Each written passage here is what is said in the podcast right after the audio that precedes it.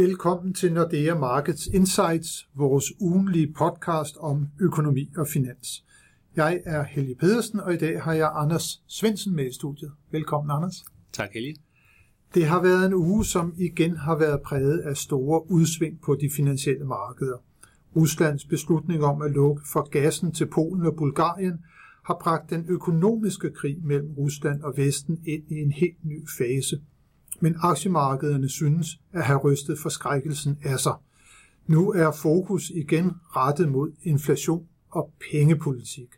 Og Anders, lad os begynde med inflationen. Vi har netop fået tal fra euroområdet, som viser, at forbrugerpriserne i april steg med hele 7,5 procent i forhold til samme måned sidste år. Hvad ligger der i det tal? Der ligger en hel masse energiprisstigninger endnu en gang energipriserne er næsten 40% højere, end de var for, øh, for et år siden. Men der begynder også at være flere andre ting, der trækker op. Fødevarepriserne begynder at stige øh, kraftigere, hvis man kigger på, på ikke forarbejdede fødevarer, så er de op 10% i forhold til, til året før. Og så det, der øh, sådan for alvor begynder at slå igennem, det er jo så øh, de ting, der er mere relateret til, til flaskehalse øh, på grund af corona, altså øh, Øh, varepriser globalt set, de, de trækker stadig kraftigt op. Og så det sidste her, det er så servicepriserne, der også begynder at stige. Altså et tegn på, at måske i første omgang folk arbejder lidt mere og får lidt mere i, i, i lønposen, øh, og, og i næste omgang er det jo nok, at lønningerne egentlig begynder at, at stige lidt mere. Øh. Men der er vel også det i det, servicesektoren har vel også en varmeregning. De har jo også elomkostninger. De skal jo også fra tid til anden købe nyt materiel og dermed også få en større regning for de varer, som de også køber inden for servicesektoren. Du og jeg i servicesektoren, men vi sidder jo her i et kontor, og det skal jo, altså ja, der er jo masser af omkostninger forbundet med også at køre et kontor. Det er helt sikkert, og det tror jeg også har en stor øh, betydning. Øh, og så tror jeg også, at det er blevet lidt lettere at sætte priserne op, i og med at både energi- og fødevarepriser stiger, og der er en opfattelse af, at der er inflation, jamen så er det jo blevet lettere at give Øh, prisstigninger videre til, til forbrugerne, måske også på, øh, på varer, hvor man, øh, eller services, hvor man igennem nogle år måske har været presset til at, at holde priserne lidt lavt. Så det, som vi jo dybest set sidder og snakker om lige nu, det er det, der hedder kerneinflationen. Den var så op med 3,5 procent. Det er langt det højeste, vi faktisk nogensinde har set i euroområdets historie. Er der en risiko for, at inflationen nu kommer til at bide sig fast på et højere niveau, end vi har været vant til igennem lang tid. Simpelthen fordi, at vi nu begynder at se de her sådan gennemslagseffekter af de høje energipriser, også på andre dele i økonomien. Det tror jeg helt sikkert, der er. Altså både det, og så er der jo selvfølgelig også en masse strukturelle øh, faktorer, som vi kan komme en lille smule tilbage til. Men øh, hvis man kigger på, hvad, hvad finansmarkederne priser ind, så er vi jo gået fra, hvis man kigger, hvad er det, der, der forventes af inflationen de, de kommende mange år, jamen, så har vi ligget øh, væsentligt under 2, og nu ligger vi altså et stykke over 2. Vi ligger op i nærheden af 2,5, også når vi kigger 10 og 20 år ud i fremtiden. Og i første omgang har ECB jo argumenteret lidt for, at det måske mere er risikopræmier, der ligger i nogle af de der markeder, end det egentlig er inflationsforventninger. Men i takt med, at, at inflationsmarkederne bliver ved med at, at stige, så, så bliver det sværere og sværere at holde fast ved det. Så bliver det mere og mere et tegn på, at der begynder at være en, en øh, frygt for, øh, at øh, ECB ikke kan holde inflationen på, øh, på 2%. En frygt i markederne for, at ECB ikke kan holde inflationen på 2%. Det kræver jo på en eller anden måde et modsvar. Fordi ECB bliver jo nødt til at gå ud og fortælle markederne, jamen det kan vi godt, det, det de er ansat til, det er at holde inflationen på 2%. Og øh, når der opstår en form for mistillid til dem, så må de handle. Hvordan kommer ECB til så at handle på den her udfordring fra markederne? Vi har hørt en, en række ECB-folk øh, begynde at varme op til første renteforholdelse, og Lagarde øh, vil sætte sig selv i, i det kor også. Øh, var det i går, eller var det i forgårs? Så øh, det, der kommer til at ske, det er på junimødet, der skal de lige øh, se, hvad deres, øh, deres øh, folk de forecaster inflation og vækst osv., og, og hvis det er nogenlunde i, i tråd med det, som, øh, som, som de regner med, jamen, så kommer de til at stoppe opkøbsprogrammet i juli, og så kommer de til at hæve renten formentlig også første gang i juli. Øh, Allerede i juli måned? Ja, det er Lagarde op til, og der er sådan set også fire andre, der har, der har antydet det. Så det begynder at være i den retning. Altså vores forecast er stadigvæk september, og det kan det også sagtens øh, blive, men der er flere og flere, der varmer op til, at det sagtens skal blive i juli. Og det er også det, der ligger i markederne. Der ligger sådan set både juli og september og december næsten priset ind. Øh, og igen, hvis, hvis det er priset ind, øh, så tror jeg også, de vil gøre det. Ja, og så må markedsreaktionen, hvis det er priset ind, så må den jo alligevel også blive behersket, men alligevel, det er ikke så længe siden, der snakkede vi om, at den første rentestigning fra ECB, den ville komme i 24, og nu er vi altså her midten af 2022, hvor den måske kan komme. Vil det alligevel ikke kun give anledning til nogen reaktion på de finansielle markeder, hvis det er, at der altså bliver tale om en rentestigning allerede i juli måned? Jeg tror lidt, man er gået væk fra at lytte så meget til, hvad de siger om, øh, om fremtiden, fordi de, de usikkerhedsmomenter, der er lige nu i forhold til inflation og, og vækst, altså de er så store, og ECB ved ikke ret meget mere end, end så mange andre, og man kan også se på deres guidance, den er blevet meget kortsigtet. De guider en måned eller to måneder frem, og så sent som i marts sagde de jo, at de ikke ville sætte renten op i år, og nu ligger der jo tre renteforhold, så de snakker selv om at starte i juli. Så man kan ikke bruge den forward guidance lige nu til ret meget, fordi der er så stor usikkerhed om, hvad det er, vi er på vej ind i. Men det er klart, kommer de ud og siger, øh, som vi snakkede om før, okay, nu skal vi øh, berolige markederne, nu, vi, nu tror vi for alvor, der er en bekymring for inflationsforventningerne, nu skal vi sådan virkelig øh, til at signalere, at vi også skal stramme op, så vil det få en effekt. Men der tror jeg ikke, vi helt er endnu. De vil stadigvæk snakke mest om normalisering, mm.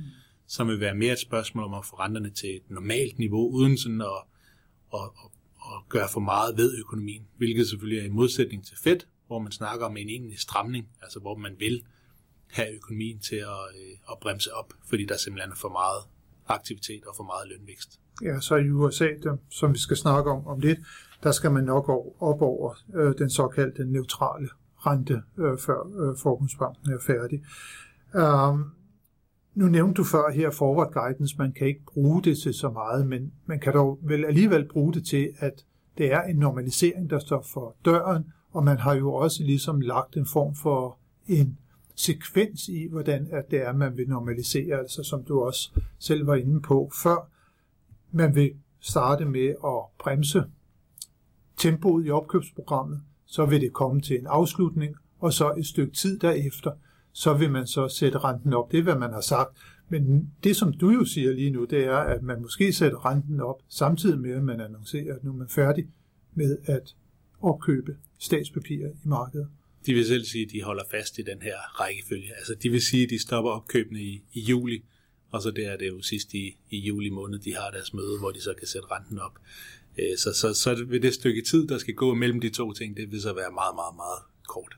Så det er op til, uh, til en masse tolkning for tiden. Ja, hvad, det tænker hvad stykke tid det egentlig ja, er. det må man sige. Det er blevet kortere og kortere. Det er blevet kortere og kortere. Du nævnte uh, også, at uh, i juni måned, og det er jo fire gange om året, der kommer uh, nye prognoser fra den europæiske centralbank, ja, der bliver det spændende at se, hvad, hvad væksten i, uh, i øvreområdet, hvad de skønner, at den skal, den skal være i år. Vi fik også nogle tal i dag for første kvartal, det var fasttallet, så der kan komme revisioner til det. Og det viste så ikke overraskende en høj årsvækstrate på 5%, og så en kvartalsvækstrate på 0,2%. Hvad skal vi tolke det som? For der har jo været også nedlukning i første kvartal i euroområdet.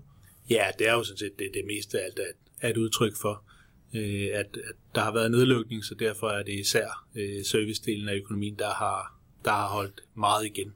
Øh, hvor at man kan sige, det som, øh, som øh, skete med Rusland, der gik ind i Ukraine, jo først var relativt sent i, i kvartalet, og måske ikke har haft så stor indvirkning på første kvartal, men det får så indvirkning på, på de kommende kvartaler. Altså det, mm. at priserne er steget så kraftigt, det gør jo, at øh, købekraften bliver udhulet for, for forbrugerne.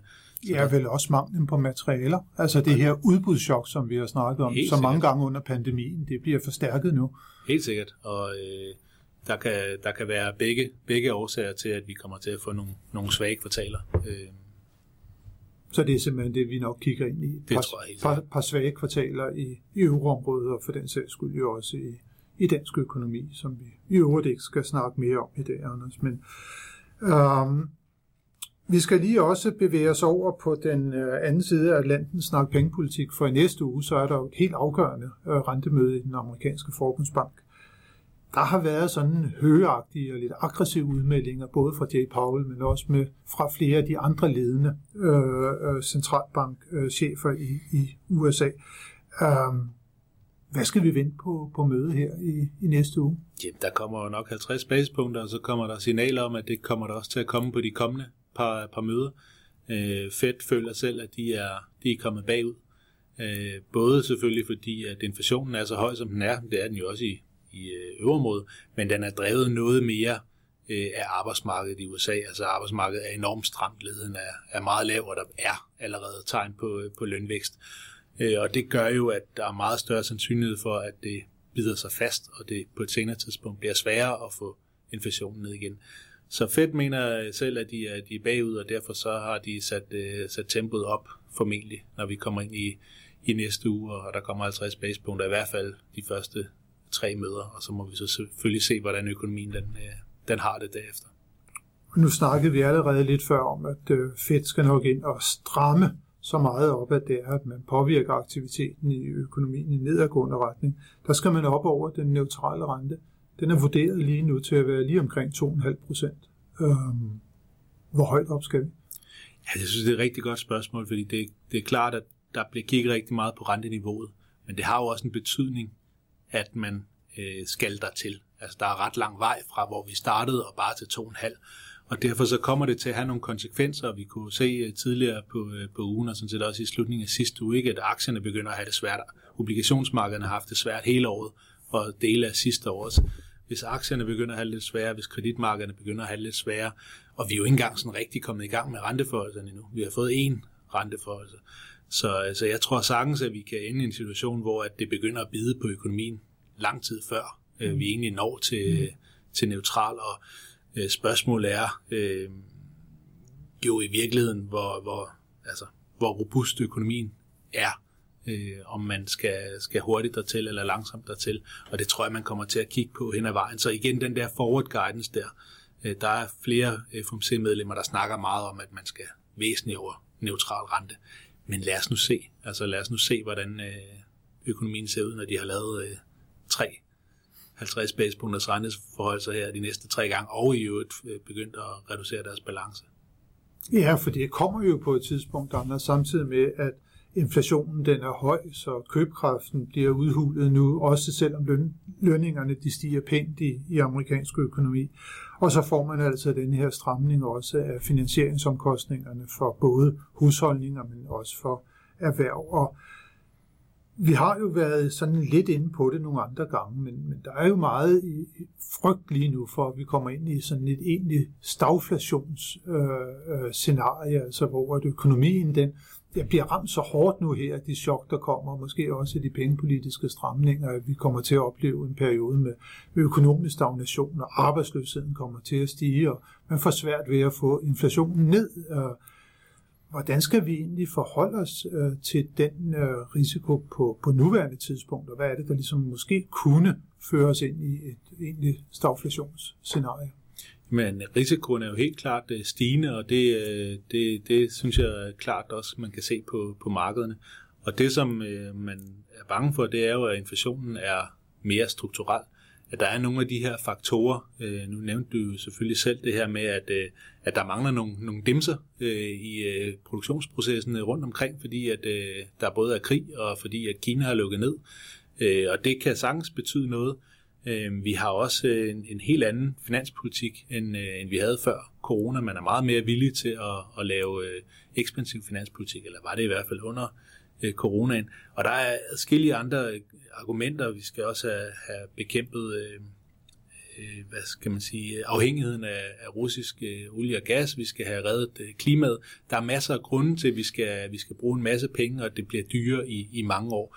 Og hvis inflationen så ligesom er for høj, øh, så har du nogle centralbanker, der har hænderne bundet en lille smule på ryggen, fordi så vil de være tvunget til at tage sig af inflationen først og fremmest, også selvom Øh, Øh, økonomien den begynder at, at, at aftage. Og så er det, at man kan risikere sådan et, et scenarie der, hvor vi egentlig får en stramning ind i en amerikansk recession, eller i hvert fald en, en, en afmatning, og øh, for den sags skyld også i, i Europa.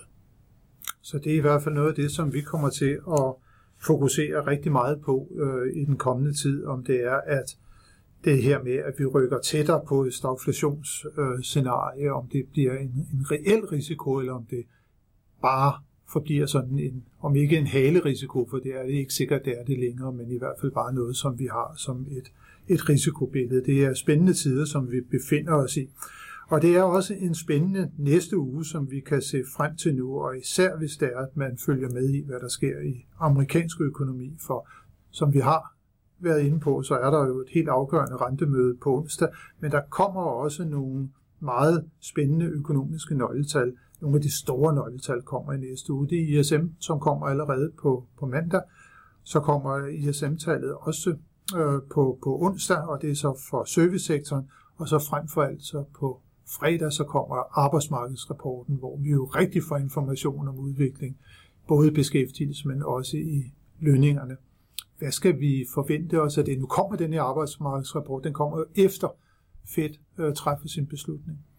Ja, altså først og fremmest så, så det her ISM-tal, ikke? Altså vi har jo haft øh, en del øh, tegn på, at der begynder at være øh, en opbremsning, i, i hvert fald i momentum i, øh, i, i økonomien, ikke? Og kigger man på ISM de sidste par gange, så er ordrene jo aftaget øh, noget, øh, og, og det er utrolig interessant at se, om det også slår igennem på, på det overordnede ISM-tal, altså om vi skal tættere på, på 50. Øh, og hvis, hvis vi først begynder at se det, så tror jeg, der vil være flere, der begynder at bekymre sig lidt for den her stagflationsrisiko. Øh, fordi så er vi i en situation, hvor at det er for tidligt for fedt at, at stoppe. De er jo nærmest ikke kommet i gang endnu, og inflationen er så høj, som den er, at så vil de være tvunget til at fortsætte øh, selv, når øh, det ser ud som om, at økonomien bliver væsentligt sværere. Øh, arbejdsmarkedet, øh, jeg tror da stadigvæk, at vi har et, et relativt stærkt arbejdsmarked, når vi har haft øh, den her arbejdsmarkedsrapport fra, øh, fra BLS på, på fredag. Øh, men der er jo meget støj i de tal, så det er svært sådan lige fra måned til måned at sige, hvordan det kommer til at se ud. Det er svært fra måned til måned. Det er også en gang mellem svært at spå om fremtiden, når det er, at der sker store uforudsete begivenheder, som vi har været vidne til adskillige gange inden for de seneste år. Men i hvert fald en uh, utrolig spændende uge, som vi går i møde. Det er få, vigtige nøgletal, og så det her afgørende uh, rentemøde i den amerikanske forbundsbank øh, i, i vente. Og så er det selvfølgelig også øh, en uge, hvor der kan komme nyt om situationen i Ukraine, som der kan få afgørende markedsbetydning. Men tak Anders for at være med i dag, og tak til alle jer, som har lyttet med. Det håber vi, at I også vil gøre i næste uge, når vi er tilbage med nyt fra de finansielle markeder.